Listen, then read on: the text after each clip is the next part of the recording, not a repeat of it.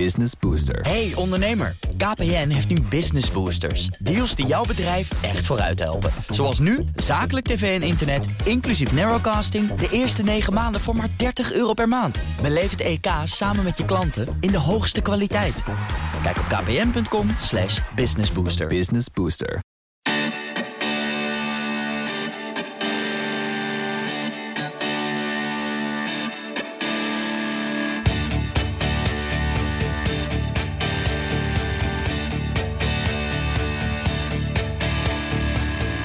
Ooit, Nout, en dat is nog niet eens zo heel erg lang geleden, een paar maanden geleden. Toen kon je de radio 's ochtends niet aanzetten of je hoorde dat er kilometers lange files stonden. Hè? En de, het, de file drukte, de verkeersdrukte nam alleen maar toe. Eh, in 2019 was hij 17% toegenomen ten opzichte van 2018. En ook dit jaar was de verwachting. Het gaat toenemen, Het ja. gaat toenemen. Maar ja, toen kwam corona. Ja. En nu bijna geen files meer. Nee. We gebruiken minder de auto, we gebruiken minder het OV, we werken veel meer thuis. En als we op pad gaan, dan gaan we meestal met de fiets. En onze vraag die wij daardoor hadden, hè, want het is eigenlijk wat we een beetje wilden bereiken met Spitsbrekers. Ja. Het was ook bijzonder dat wij vorig jaar de thuiswerkdag hadden. Ja. Eh, die we nu, de kennis daarvan nu heel goed hebben kunnen gebruiken. Maar de vraag waar wij eigenlijk een beetje mee zitten, hoe moet dit nou na corona? Ja. Kunnen we nou iets leren van deze tijd? Kunnen we zaken oppakken in deze periode dat wat rustiger is, om straks er beter uit te komen? Ja, en vooral dan in, op het gebied van hoe kunnen we de stad anders benutten. We hebben een mooie gast. Twee Ja. gasten hebben we eigenlijk. Maar de eerste gast is Daan Zandbelt. Hij is eh, Rijksadviseur en stedenbouwkundige. En ook nog architect. Alles bij elkaar, geïntegreerd plaatje. Ehm, Daan, fijn dat je bij ons in de podcast eh, wil komen.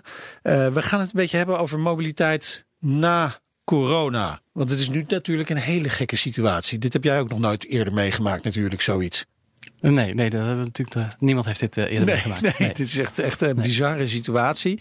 Ehm, maar, maar hoe denk jij dat eh, mobiliteit in de stad eruit ziet na corona? Zal het wezenlijk anders zijn dan voor corona? Nou, we zitten natuurlijk nog heel erg midden in de storm. We zitten in een soort van het oog van de storm. En dan is het heel moeilijk om te bepalen wat er na de hand uitkomt. Ik merk dat veel mensen in het debat, eh, eh, bijna elk politiek debat, eigenlijk eh, zich hun eigen gelijk bevestigd zien. En daar, dan misschien ben ik daar ook gewoon een onderdeel van. Kom ik daar ook niet overheen nog. Maar ik zie in ieder geval dat mensen nu heel veel ervaring hebben met thuiswerken. Eh, dus op afstand, in alternatief voor reizen. En ik zie ook doordat we gedwongen thuis zijn, we onze wereld direct om huis veel meer ontdekken. Dus we ontdekken dat er leuke parkjes zijn, of dat het ook best wel fijn thuiswerken is, of dat er andere dingen in de buurt te doen zijn.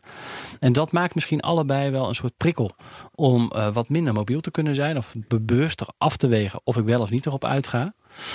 Ja, daarnaast heeft natuurlijk het OV krijgt het echt moeilijk. Eh, ik denk dat die mondkapjes eh, best goed gaan werken. Dat zal even wennen zijn. Ik hoop dat die eh, betrekkelijk snel terug kan veren. Omdat ik gewoon denk dat het een 80 goede tot vorm... 90 procent afgenomen. Hè? Het aantal Nu, ja. Nee, personen in met, Ja. die met het OV reist. Ja, dat is heel, heel begrijpelijk denk ik Ja, ook. dat zal niet zomaar terugveren. Ehm, ik denk eerlijk gezegd wel dat plekken die succesvol zijn en die eh, gezond zijn, dat die altijd met meerdere modaliteiten, eigenlijk met alle modaliteiten, op de fiets, de voet, OV en de auto eh, te bereiken zijn. En dat dat dus ook eigenlijk een belangrijk ingrediënt is eh, ehm, voor een gezonde stad. Dat je tegen zo'n stootje kan. En je ziet natuurlijk dat we niet allemaal met de auto kunnen. Dan, eh, dat leidt tot veel vertraging, in ieder geval allemaal op hetzelfde moment. Dus je ziet dat fietsen en lopen eh, hele interessante alternatieven zijn. En je ziet ook dat bijvoorbeeld steden zoals Rotterdam en Tilburg, die zijn aan het experimenteren om deze periode te gebruiken. Om een transitie die ze toch al wilden inzetten, te in, eh, ja, uit te proberen. Dus in Rotterdam kun je nu niet meer cruisen over de binnenweg of over de Westkruiskade. Je kan niet meer een 180 maken. Ja, Je moet vervelend voor onze collega Wouter Kars ja. eh, van Autoblog. Maar goed, Ja, ja maar die, dus je kan wel rijden, alleen je kan niet meer de kortste weg Nee. nemen. En de voetganger en groen krijgen meer voorrang. En als je hard wil, moet je wel op de snelweg eh, gaan rijden. En in Tilburg zeggen ze zelfs, eh, al het verkeer binnen de, de ringbanen eh, mag je maximaal 30. Dus dan hebben andere vormen van vervoer krijgen iets meer voorrang. Of die hebben iets meer voordelen in de, in de snelheid. Lijkt me heel zinnig allemaal. Ja. Eerst even naar dat eerste punt wat je noemde. Hè. Mensen hebben hun eigen omgeving misschien wat meer ontdekt. Nout, wat, wat heb jij ontdekt aan je eigen omgeving? Je woont midden in Amsterdam. Op een flat? nou ja, dat je eh, bijvoorbeeld bij thuiswerken ook af en toe even lekker naar buiten kunt gaan eh, tussendoor. Maar dat je ook heel veel geklaagd hoort van mensen. Van, nou, ik woon vier hoog achter, ik heb geen tuin. Eh, ja, waar moet ik naartoe? Ja, naar het park? Of? Dus de mensen komen er wel achter die verstedelijking, hè, iedereen trok echt naar de stad de laatste jaren, dat dat ook zijn negatieve effecten heeft. En dat je dan toch met, met drie kinderen en een man ja, op, op kleine vierkante meter zit. En dat je denkt van, ja, waar moet ik naartoe? Ja, jij gelooft Ja. daar volgens mij niet heel erg Nou, in, ik toch? zit er iets genuanceerder in, Ja. denk ik. Dus ik herken natuurlijk, ik hoop dat deze, deze manier van dat wij opgehokt zitten, dat dat niet verplicht wordt en eh, dat dat heel lang gaat duren. Ehm, het is ook een beetje een illusie dat, eh, dat je niet in de stad kan wonen met een tuin. Ik woon midden in Rotterdam met een tuin. Ik weet dat dat niet voor iedereen is weggelegd. Eh, maar we kunnen ook best de stedelijke voordelen bereiken in dichtheden die helemaal niet zo eh, super hoog zijn. Hè. Ook, ook in Amsterdam zijn er best veel woningen met een tuin. En ik denk natuurlijk voor de mensen die in appartementen wonen en die wat kleiner wonen, dat je die natuurlijk volop eh, gelegenheid wil bieden om ook dicht bij huis in een café te kunnen werken of in een park met wifi of eh, eh, andere Ja. alternatieven. Helemaal mee eens dat dat nog nu, nu niet op orde is. Dat ook nu heel vaak mobiliteit nog een soort hinderfactor is om in de buitenruimte bijvoorbeeld te verblijven, omdat het gewoon te druk en te lawaaiig is. Als daar verblijf iets meer voor opstaat, dan kun je ook die kwaliteit dicht bij huis al ontdekken. Kun je toch voor de deur al spelen als kind, of je kan misschien thuiswerken op een bankje voor de deur. Dat, dat lijkt me heel prettig. Ehm, ja, dus dat even een paar eh, eerste Ja. noties. Nou, wa- wat je ziet is dat de infrastructuur gewoon heel veel ruimte opslokte. En vooral de auto. De auto heeft gewoon enorm veel eh, ruimte verworven. Mhm. Ik ben zelf ook een autoliefhebber, dus het maakt mij op zich niet zo heel veel uit. Maar die auto die heeft gewoon heel veel ruimte. En, Mhm. en eh, ja, daar, daar, daar moet dan wel iets aan gebeuren. Ja. Als je minder mensen in de auto wil hebben uiteindelijk, dan moet ja, je de de auto andere kant, nou, jij gaat ook op de fiets naar je werk. Ik ben nu met de fiets, maar ja, ik woon ook op vijf kilometer afstand van, eh, van mijn werk in principe. Nee, maar dat, dat Eh, is er zijn misschien mensen die een goede... 40 kilometer van hun werk wonen. En dan is het toch wel lastiger. Ja, nee, maar dat wordt volgens mij een bewustere keuze. Dus je ziet ook dat de helft van de autokilometers is minder dan, zijn tripjes van minder dan 7,5 kilometer. Dus dat Ja. zijn afstanden die je eigenlijk ook best wel kan fietsen. Of met het OV of op een andere manier kan vervoeren. En ik denk dus dat het belangrijk is dat we inderdaad die balans. eh, volgens mij moet het helemaal niet tegen de auto zijn. Alleen de, de, de manier waarop de auto nu eh, de sfeer op heel veel plekken bepaalt. Ja, dat mag wel een beetje minder. En ik denk ook dat acties zoals eh, Amsterdam Autoluw in de binnenstad, dat dat eigenlijk best goede kwaliteiten ook bovenbrengt. Dat is niet tegen de auto. Eigenlijk is die term misschien niet zo goed. Het gaat er meer over dat je een gezonde, beleefbare stad kan maken. Waar het, waarbij je ook minder reden hebt om erop uit te gaan. Want het is eigenlijk al gewoon heel prettig om de hoek en Ja. voor de deur. En nu is het ook heel raar eh, dat een auto, en dat geldt ook voor fietsen hoor, dat als die stilstaat, ja, dan hebben we er het meeste last van. Hè, dan heeft hij heel veel parkeerplekken nodig, hele dure eh, garage en stallingsmogelijkheden op, op plekken waar je eigenlijk met Ja. dat geld heel veel leukere dingen kan doen. Dus ook deelsystemen kunnen enorm helpen om dat aantal stilstaande voertuigen wat te reduceren. En daardoor meer kwaliteit voor eh, verblijf en voor klimaat te Ja, kunnen. eh, kunnen maar denk je dan ook dat de huidige situatie met die coronamaatregelen, dat, we, dat dat zorgt voor meer draagvlak om dit soort maatregelen te gaan nemen? Nou, zoals ik net even begon met dat iedereen eh, zijn eigen geloof bevestigd ziet. denk dat het nog best spannende strijd eh, zal worden. Tussen aan de ene kant de mensen die de kwaliteiten van die stad eh, zien. En aan de andere kant zullen er ook wel mensen zijn. Ja, die zijn een beetje bang. Of die, die zien ook de kwaliteiten van dat, van dat buitengebied. Of nog meer mobiel worden. Ja, daarover zullen we met elkaar het gesprek moeten aangaan. Ik denk dat er veel maatschappelijke algemene voordelen zijn. om over het algemeen ietsje minder mobiel te worden. En dagelijks. En ehm, die, die auto een iets minder prominente rol te geven. Maar die auto blijft bestaan. En we zullen ook landelijk blijven wonen. En uh, suburbaan. En we zullen ook wel blijven reizen. Maar laten we het niet nog verder uh, over laten komen. Nee, maar eigenlijk zou je bijvoorbeeld als meer mensen op, op de fiets uh, zouden uh, stappen, zou je willen dat fietspaden worden verbreed, bijvoorbeeld. Ja. Maar ja, de, ik kijk hier naar buiten bij BNR. Alles mm -hmm. is eigenlijk in ja, beton gegoten op dit moment. Dat, dat doe je niet zomaar even. Hè? nou, ben ik helemaal mee eens. Ik vind het, ik vind het een heel mooi, heel mooi voorbeeld. Ja? Uh, we hebben ook net uh, als college van Rijksadviseurs hebben we adviezen uitgebracht op speciale studies naar ringwegen, naar stationsomgevingen. Recent naar de fiets. Hoe kan de fietsgebruik groeien zonder dat hij de nieuwe auto wordt? En morgen presenteren wij een onderzoek naar uh, de, de voet, uh, voetgangers. Okay. Hoe kunnen we ruimte aan voetgangers bieden? En we zitten hier aan het begin van de Wieboudstraat. Hele interessante straat, waarbij je ook ziet dat dit soort aders zijn eigenlijk een soort kabelgrootte. Dit was vroeger, 100 jaar geleden, een spoorlijn, de Rijnspoorlijn. Oh. Daarna hebben ze geprobeerd er een stadssnelweg van te Ja, maken. eh, eh, Parijs als voorbeeld, hè? Wel, Ja, nog een beetje er radicaler. Dit Ja, was gewoon echt een stadsautobaan waarvoor ze de Nieuwmarkt wilden slopen. Er moest gewoon een snelweg dwars door de stad. Jeetje. Daarna hebben ze er een metrolijn onder Ja. doorgelegd. En nu de afgelopen vijf of tien jaar hebben ze er veel meer een boulevard van gemaakt. Met meer ruimte voor fietsen, groen in het midden, terrassen eraan. Dus je ziet dat je die kabelgrootte op verschillende manieren kan inrichten. En dat, nou, je kan dat autoverkeer best een beetje smaller maken. Ook nog ten opzichte van nu. En je ziet dat dat op veel plekken gebeurt. Bijvoorbeeld in mijn stad Rotterdam wordt de Koolsingel gehalveerd als auto. Ja. Eh, dus de ene helft wordt fietspad en terrassen en voetgangers en platanen. En de andere helft is voor het autoverkeer. Maar zorg je dan niet juist voor dat, de, dat er bijvoorbeeld straks files staan, omdat je het juist smaller maakt? Omdat dat meer auto's aansluiten achter elkaar. Dat Dus klopt. Dan, ja. ja. Maar ik zie een file helemaal niet als een probleem. Nee. Een, een file hoort net. Een file en een- op, uh, opdoeken. een, een file en eh, ja, dus dat, dat vind ik wel even goed om bij stil te staan. Ja.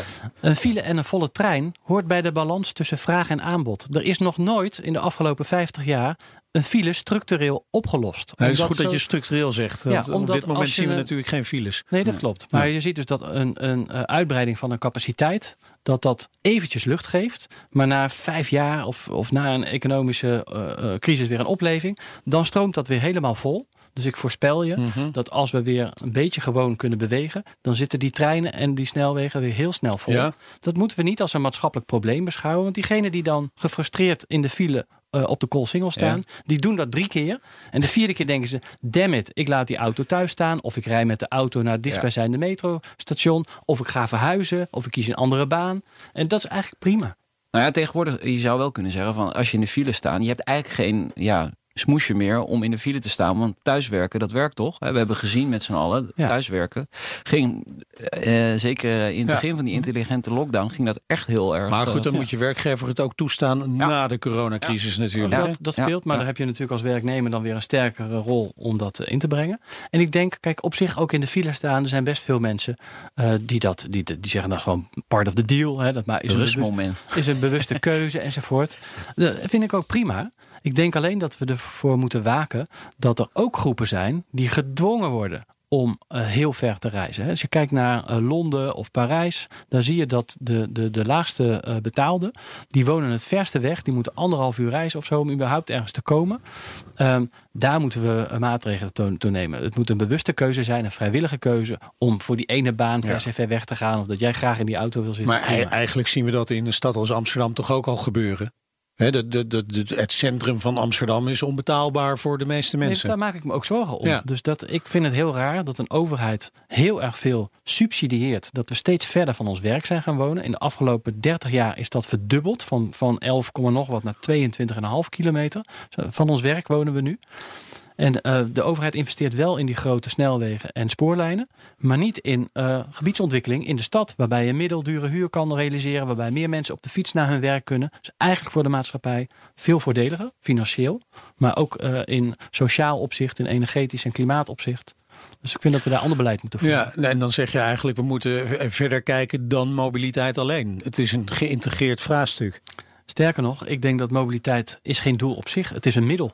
Dus mobiliteit is eh, alleen maar iets om andere maatschappelijke waarden te bereiken. Dus ik vind mobiliteit ook helemaal geen maatschappelijke kwestie. Ik vind die andere dingen, het klimaat, de economie, eh, sociale samenhang, eh, biodiversiteit, dat zijn maatschappelijke vraagstukken. En mobiliteit draagt daar aan bij of speelt daar een verbindende rol. Je noemde net een paar voorbeelden van steden die deze periode gebruiken om, om te experimenteren met, met Ja. plannen waar ze toch al aan dachten. Ja. Ik moet zelf ook denken aan Brussel, dat het nu 40 kilometer fietspad heeft aangelegd om Ja. eh, ervoor te zorgen. Ja, het is niet heel veel, hè, 40 kilometer. Volgens mij heeft elk dorp in Nederland wel meer. Ja. Maar goed, het is een begin. Het is een begin voor Brussel, waar eigenlijk nee, iedereen tot nu toe met de auto kwam. Ehm, eh, zie je dat soort initiatieven meer? Of zeg je van nou, eh, eigenlijk zouden veel meer steden nu gas moeten geven om dat soort Mhm. zaken aan te pakken?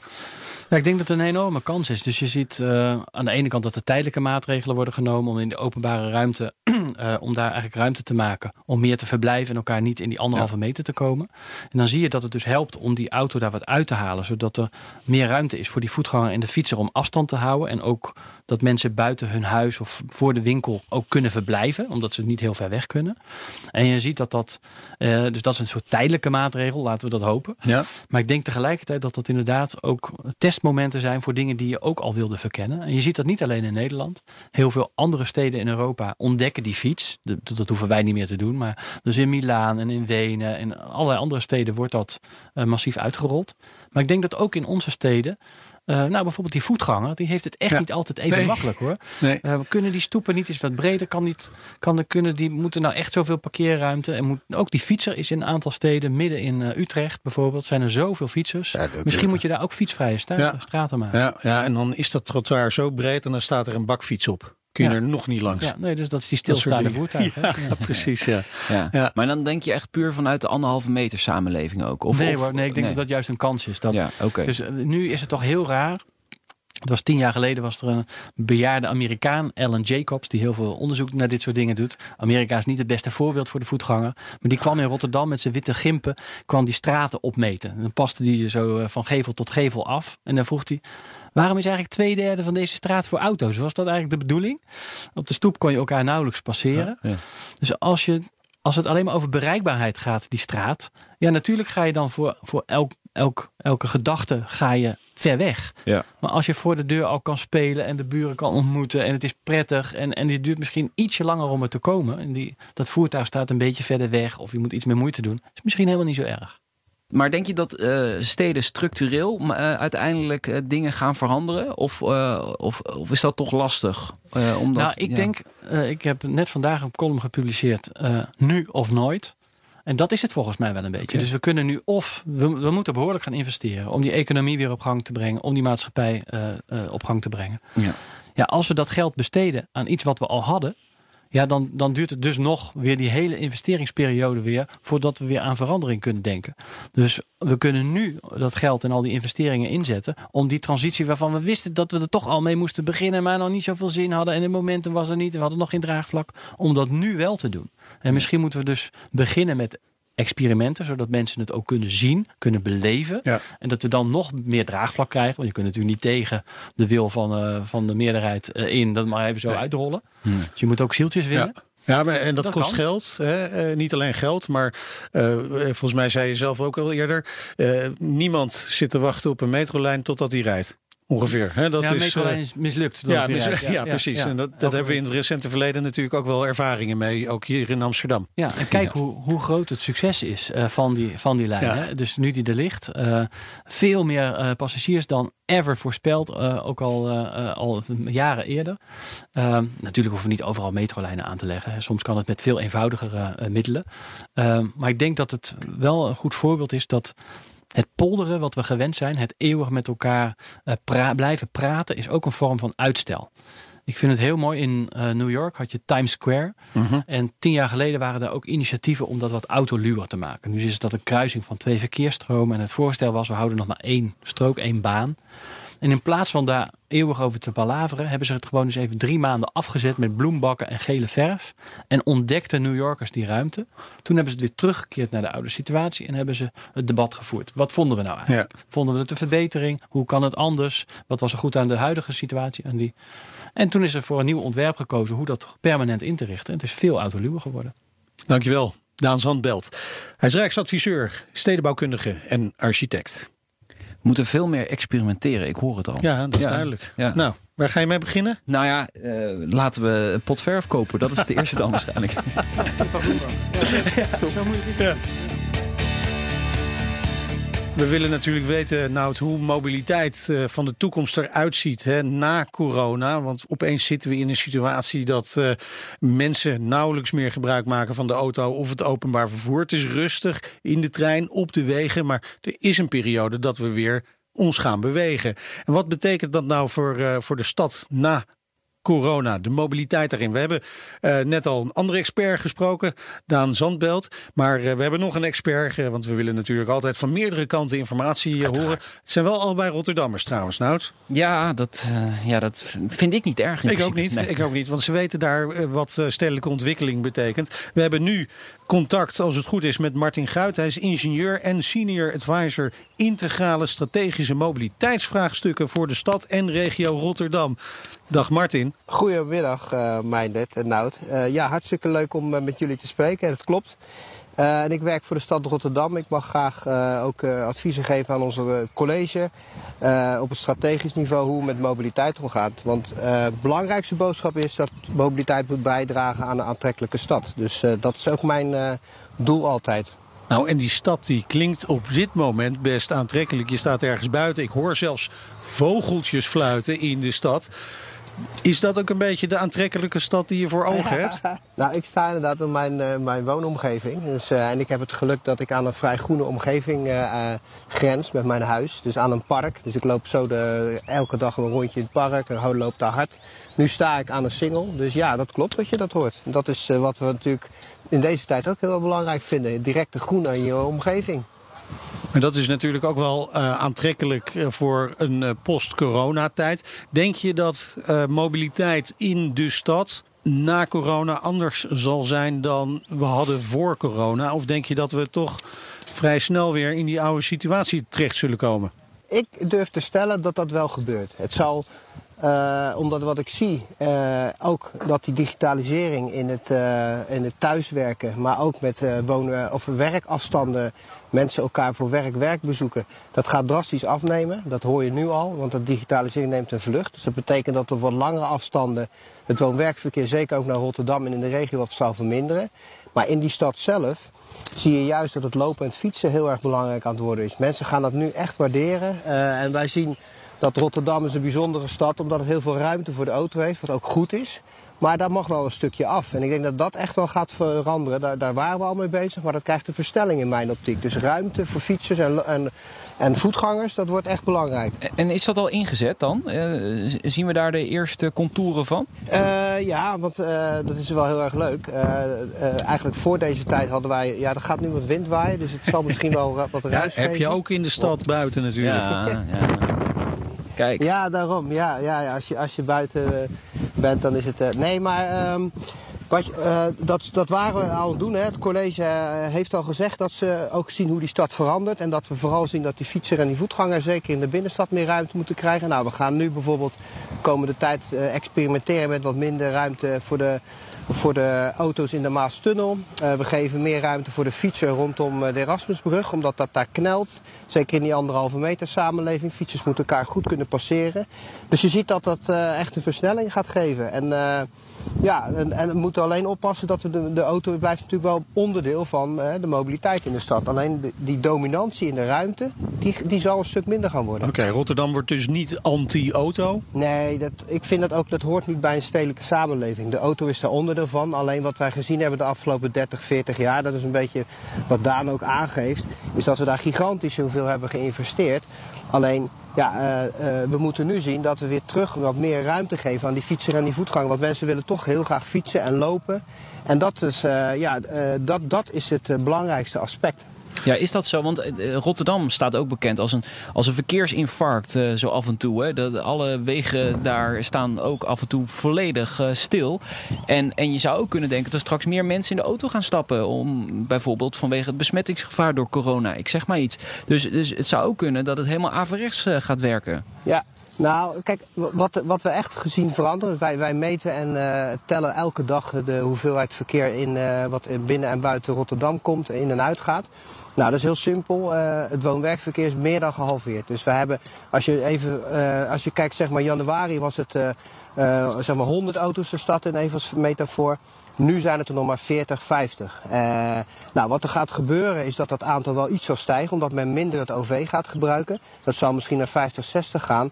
Uh, of misschien 70. Maar ook uh, juist ook heel veel mensen geven aan dat ze juist die kortere afstanden veel meer willen fietsen. En zeker in de stad zelf.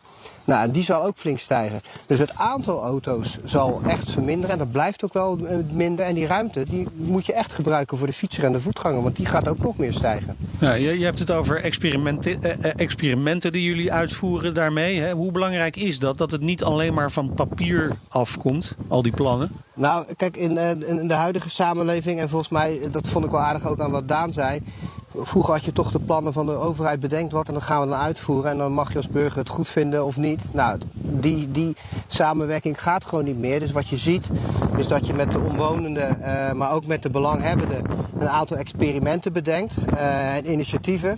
Uh, en daarmee uh, ook draagvlak creëert. En op het moment dat er draagvlak is, en dat gaat natuurlijk, je hebt nooit 100% draagvlak, want dat gaat niet in de stad, maar je moet wel een groot deel draagvlak hebben en daarmee kan je dingen veranderen. En als je zegt het is een experiment, dan denken mensen, oké, okay, het is tijdelijk. En dan kan je kijken wat functioneert wel, wel, wat functioneert niet. En dan kan je overgaan, als iedereen tevreden is of de dingen aanpakt, kan je overgaan naar een, een zoals dat heet, de nieuwe situatie. Kijk, en vroeger legde het gewoon aan en dan uh, achteraf was iedereen ja. boos. Nou, ja, precies.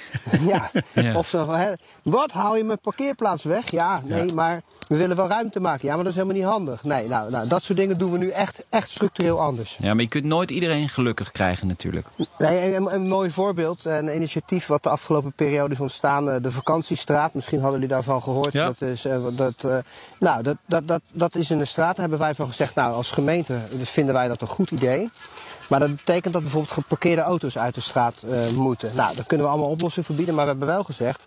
Uh, we gaan niet als één of twee personen in de straat dat vinden. Dan moet wel voldoende draagvlak zijn onder de grote deel van de mensen in de straat. Want je kan het niet voor één of twee personen doen. Nou, en zo zie je dus dat we ook daar veel meer mee gaan samenwerken. En dan gaan wij als gemeente dus proberen te helpen die oplossingen te bieden. Maar het draagvlak moet wel uit de samenleving komen. Want ja. anders krijg je weer van, uh, nou ja, wij, hè, wij leggen het op. Dus, dus, dat is wel ook een goede uh, ja, samenwerking ja. die we zoeken.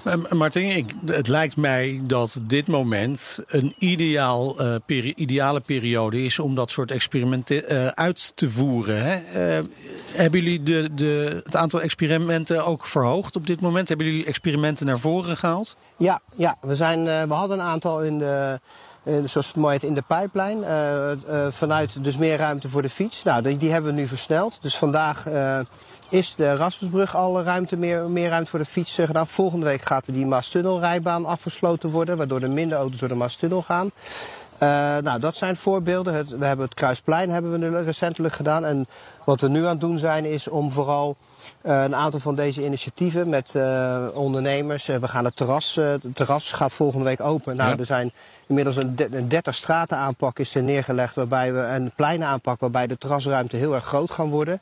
Dus dat betekent dat we ook ruimte veel meer voor die terrassen gaan bieden in die anderhalve meter. Ja, dat is, gaat volgende week functioneren.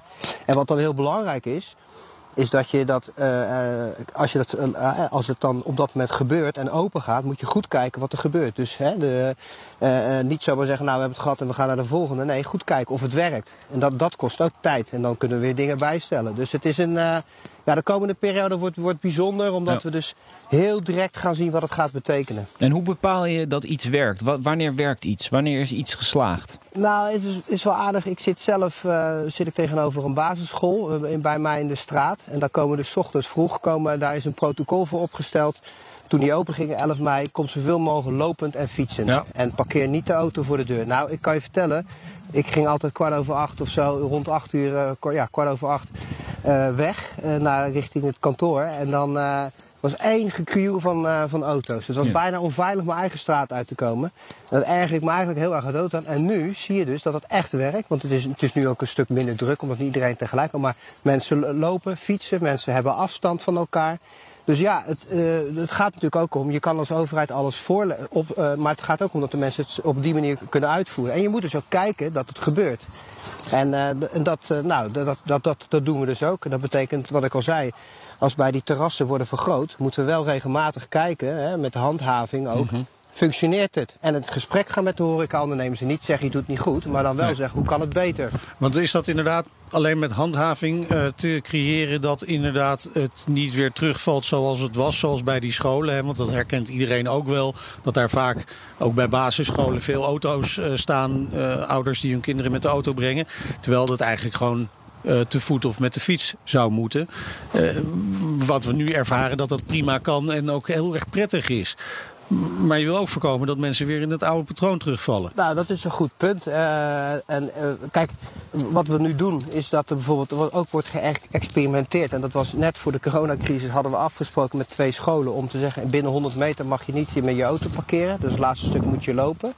Nou, dat, dat is doorgezet nu in de andere straten. En ik denk dat wat, wat belangrijk is dat scholen en ouders zelf nu ook zien van, oh ja, het kan dus ook anders. Want ook die ouders die hun kind brengen, die zeggen dan ja, ik breng mijn kind omdat het onveilig is voor de school, want er staan al die auto's. Ja, maar als je zelf, hè, snap je, een soort visuele cirkel waar je niet uitkomt. En nu is dat doorbroken. Dus ik, mijn, ja, je kan niet alles opleggen, maar mijn stelling is dat voor een groot deel mensen nu ook zullen de, de voordelen ook zullen zien uh, hiermee. Nou, ik denk dat wat nog één ding wel belangrijk is.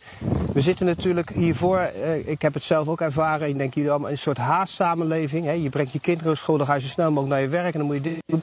En nu, ook door die digitalisering, kan je de kinderen naar school brengen en zeggen, oh ja, ik fiets weer terug, want ik ga het eerste anderhalf uur thuis werken. Hè? en ik denk dat dat ook best veel, heel veel invloed kan hebben. Ik, ik, hoop het. En het is inderdaad een ervaring die ik uh, ook wel uh, ken. Dus laten we hopen dat dat uh, gebeurt. We kunnen in ieder geval stellen dat er een hele lekkere frisse wind door Rotterdam waait. Martin. ja, dat zeker. Ja.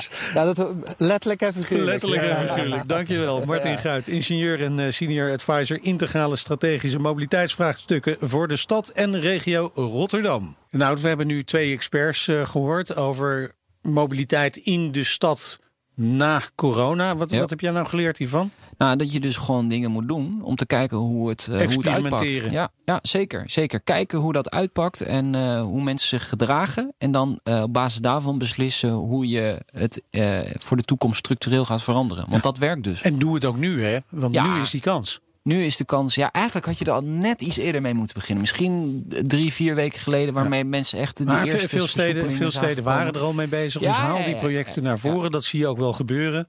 Ja, maar ik zie toch ook bijvoorbeeld hier in een stad als Amsterdam nog heel weinig gebeuren op dit moment. Dus ja, uh, er is wel uh, nood aan de man om even wat sneller en gas erop te gaan geven, volgens mij. Maar dan niet met de auto. Toch? Ja, buiten de stad dan. Ja, dat, dat bedoel ik. Dat dan wel. Spitsbrekers wordt mede mogelijk gemaakt door Gazelle e-bikes, ALD Automotive en ANWB Zakelijk. ANWB, ook voor Zakelijk Nederland staan we klaar. Business Booster. Hey ondernemer, KPN heeft nu Business Boosters. Deals die jouw bedrijf echt vooruit helpen. Zoals nu, zakelijk tv en internet, inclusief narrowcasting... de eerste 9 maanden voor maar 30 euro per maand. Beleef het EK samen met je klanten in de hoogste kwaliteit.